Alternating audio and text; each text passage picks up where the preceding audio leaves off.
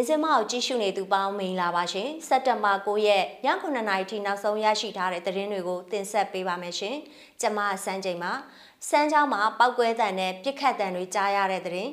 ယူကရိန်းကမြန်မာအာဏာသိမ်းစစ်တပ်ကိုစစ်လက်နက်တွေပံ့ပိုးပေးနေတယ်လို့ Justice for Myanmar ကပြောလိုက်တဲ့သတင်းဟာကပြည်သူစေယုံဒုတိယစေယုံအုပ်ကိုစစ်ကောင်စီတပ်တွေကလာရောက်ဖမ်းဆီးသွားတဲ့တဲ့ ထိုင်းမှာဂျိုင်းချွေးကနေကိုရိုနာဗိုင်းရပ်စ်ကိုထောက်လှမ်းနိုင်မဲ့တီထွင်ဆဲကရိယာနဲ့လမ်းဘေးဈေးတွေကိုစမ်းသပ်တဲ့သတင်းတွေကိုတင်ဆက်ပေးမှာပါရန်ကုန်တိုင်းဒေသကြီးစမ်းချောင်းမှာဒီနေ့ညနေပောက်ကွဲတံနဲ့ပြစ်ခတ်တံတွေကြားနေရတယ်လို့စမ်းချောင်းမှာနေသူတွေကပြောပါတယ်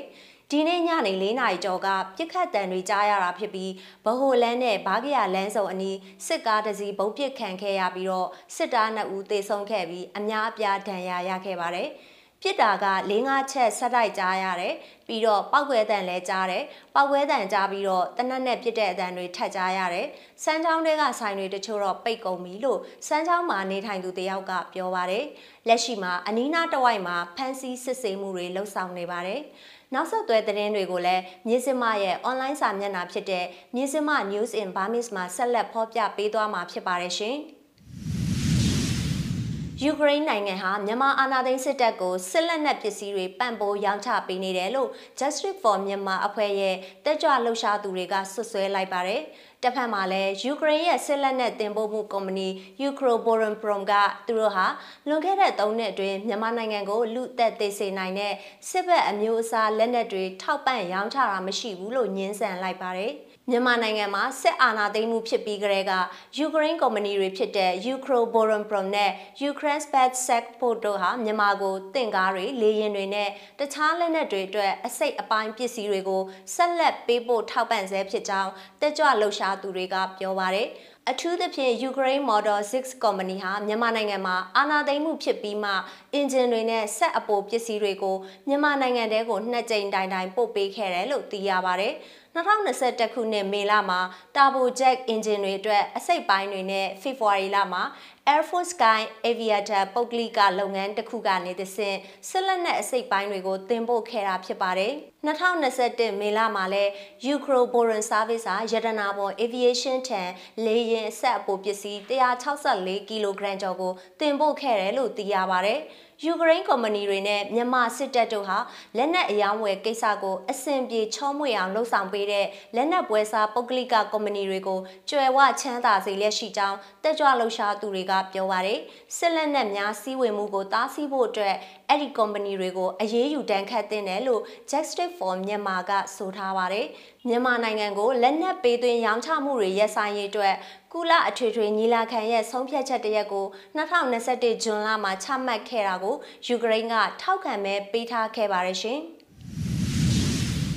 ချင်းပြည်နယ်ဟာခါမြို့မှာဒီနေ့စက်တင်ဘာ9ရက်နေ့လယ်ပိုင်းက CDM ဝင်ထားတဲ့ဟာခါပြည်သူစေယုံရဲ့ဒုစေယုံအုပ်ဖြစ်သူဒေါက်တာမန်ပြက်ကုန်းကိုစစ်ကောင်စီတပ်တွေကစစ်ကားနှစ်စီးနဲ့လာဖမ်းသွားပါတယ်။ဆရာကဟာခါပြည်သူစေယုံမှာဒုတိယစေယုံအုပ်တာဝန်ယူထားတာတပည့်တွေအပေါ်မှာလည်းအရန်ကောင်းတယ်သူ CDM ဝင်ထားပြီးခဏရှောင်နေရကနေအိမ်ကိုပြန်လာတဲ့ချိန်မှာအခုလိုဖမ်းဆီးခံရတာဖြစ်တယ်လို့ကျမ်းမာရေးဝန်ထမ်းတဦးကပြောပါရယ် ဒီရက်ပိုင်းတွင်ဟာခမြို့ပေါ်မှာလည်းပြစ်ခတ်မှုတွေမကြာခဏဖြစ်ပွားနေပြီးဖမ်းဆီးစစ်ဆေးမှုတွေတင်းကျပ်လျက်ရှိပါတယ်။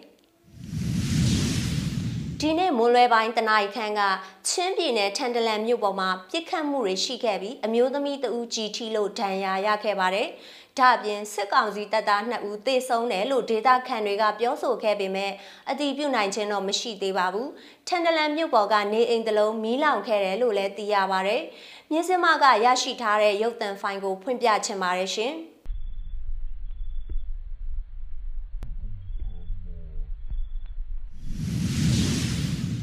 ဆက်လက်ပြီးနိုင်ငံတကာသတင်းသဘုတ်အနေနဲ့ဆိုထိုင်းနဲ့မုတ်တုံရသည့်အတွင်းဘန်ကောက်ကဈေးတယ်တွေအတွက်တော့သူတို့ရဲ့တီရှပ်ပေါ်ကဂျိုင်းချွေးမှာကိုရိုနာဗိုင်းရပ်စ်ကူးစက်မှုရဲ့မသိတာတဲ့အရေးလက္ခဏာတွေပါရှိနေကောင်းပါရှိနေနိုင်တယ်လို့ထိုင်းသိပ္ပံပညာရှင်တွေကပြောကြပါဗျ။ဂျ ချွေးကနေစမ်းသပ်စစ်ဆေးနိုင်မဲ့တည်ယူရလွယ်ကူတဲ့ virus စစ်ဆေးတဲ့ကိရိယာကိုထိုင်းသူတေသနာပညာရှင်တွေဟာတီထွင်နေပါပြီ။အခုသတင်းပတ်မှာဘန်ကောက်ကအစားအစာဈေးတစ်ဈေးကဈေးတယ်တွေကိုလိုက်လံစမ်းသပ်မှုတွေပြုလုပ်ခဲ့ပါတယ်။စမ်းသပ်နမူနာတွေအရ COVID-19 ကူးစက်သူတွေရဲ့ချွေးမှာအလွန်ကွဲပြားတဲ့ဓာတုဓာတ်တွေရှိနေတာကိုကျွန်တော်တို့ကိရိယာကနေဖော်ထုတ်တွေ့ရှိပါတယ်လို့ဘန်ကောက်ကချူလာလောင်ကွန်းတက္ကသိုလ်မှချက်တင်ကူစင်းကပြောပါတယ်။ ဒီတွေ့ရှိချက်ကိုအခြေတည်ပြီး COVID-19 လူနာတွေရဲ့ချွေးတဲ့ကဘက်တီးရီးယားတစ်မျိုးကနေထုတ်လုပ်တဲ့အနံ့အသက်ကိုထောက်လန်းသိရှိနိုင်မဲ့ကိရိယာကိုကျွန်တော်တို့တည်ထွင်နိုင်တာပဲဖြစ်တယ်လို့သူကပြောပါတယ်တီထွင်စဲကရိယာနဲ့စမ်းသပ်မှုဟာ65ရာခိုင်နှုန်းမှန်ကန်တယ်လို့ပြောဆိုထားတဲ့ check in အတွက်တော့ အခုကရိယာဟာဓာတ်ခွဲခန်းစမ်းသပ်မှုလိုအပ်တဲ့ပိုပြီးဈေးကြီးတဲ့တုတ်ဖတ်နမူနာစမ်းသပ်မှုနေရာမှာအစားထိုးနိုင်မဲ့ပိုပြီးတတ်နိုင်တဲ့ရွေးချယ်စရာဖြစ်လာနိုင်တယ်လို့မျှော်လင့်ချက်ထားထားပါတယ်။ဒါပေမဲ့ဒီဂရိယာဟာတီထွင်စမ်းသက်ဆဲအဆင့်သာရှိသေးပြီးသူတေသနာကိုအများပြည်သူသိထုတ်ပြန်တာနဲ့ပြန်လည်သုံးသပ်ဆောင်ရွက်တာမျိုးအဆင့်ထိမရောက်ရှိသေးပါဘူး။တဘာဝပတ်ဝန်းကျင်တွင်အစိတ်ဖြစ်စေတဲ့ဓာတ်ကိုထောက်လန်းရမှာအသုံးပြုနေကြဖြစ်တဲ့ကရိယာတစ်ခုကိုတင့်လျော်အောင်ပြင်ဆင်ပြီးထိုင်းသိပ္ပံပညာရှင်တွေကတီထွင်လျက်ရှိနေတာပဲဖြစ်ပါတယ်။ဒီကရိယာနဲ့အစမ်းသက်ခံသူတွေဟာသူတို့လက်မောင်းအောက်ဝါကွန်းစာကို15မိနစ်ဦးစွာထားရှိရပါတယ်အဲ့နောက်မှာဝါကွန်းစာကိုဆေးမှန်သားပေါ်တင်ပြီး UV ရောင်ချီနဲ့ပိုးသက်ရပါတယ် အဲ့လိုလုပ်ပြီးရင်နေပညာရှင်ကစောက်ပိုက်တစ်ခုကနေပြီးဝါကွန်းစကဓာတုတဲ့နမူနာတွေကိုတင့်တော်တဲ့ပမာဏတစ်ခုရယူရပါတယ်။ပြီးရင်ဆန်းစစ်ကရိယာထဲထည့်ပြီးရလက်ကိုစစ်ဆေးရတာပဲဖြစ်ပါတယ်လို့ check in က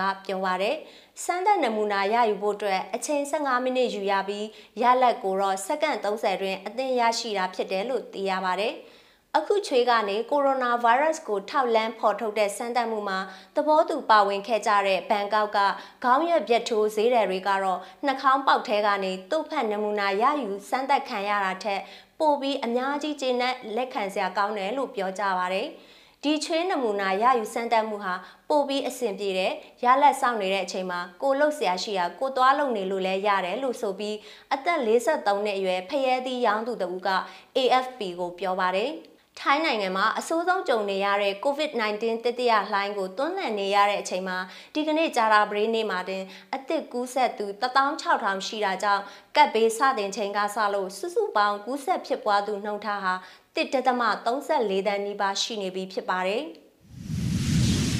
မြင်းစမရဲ့စက်တင်ဘာ9ရက်ည9နာရီထိနောက်ဆုံးရရှိထားတဲ့သတင်းတွေကိုတင်ဆက်ပေးခဲ့တာပါကြည့်ရှုအားပေးတဲ့အတွက်ကျေးဇူးအထူးတင်ရှိပါတယ်မြမပြည်သူတွေဘေးအန္တရာယ်ပေါင်းကကင်းဝေးကြပါစေရှင်။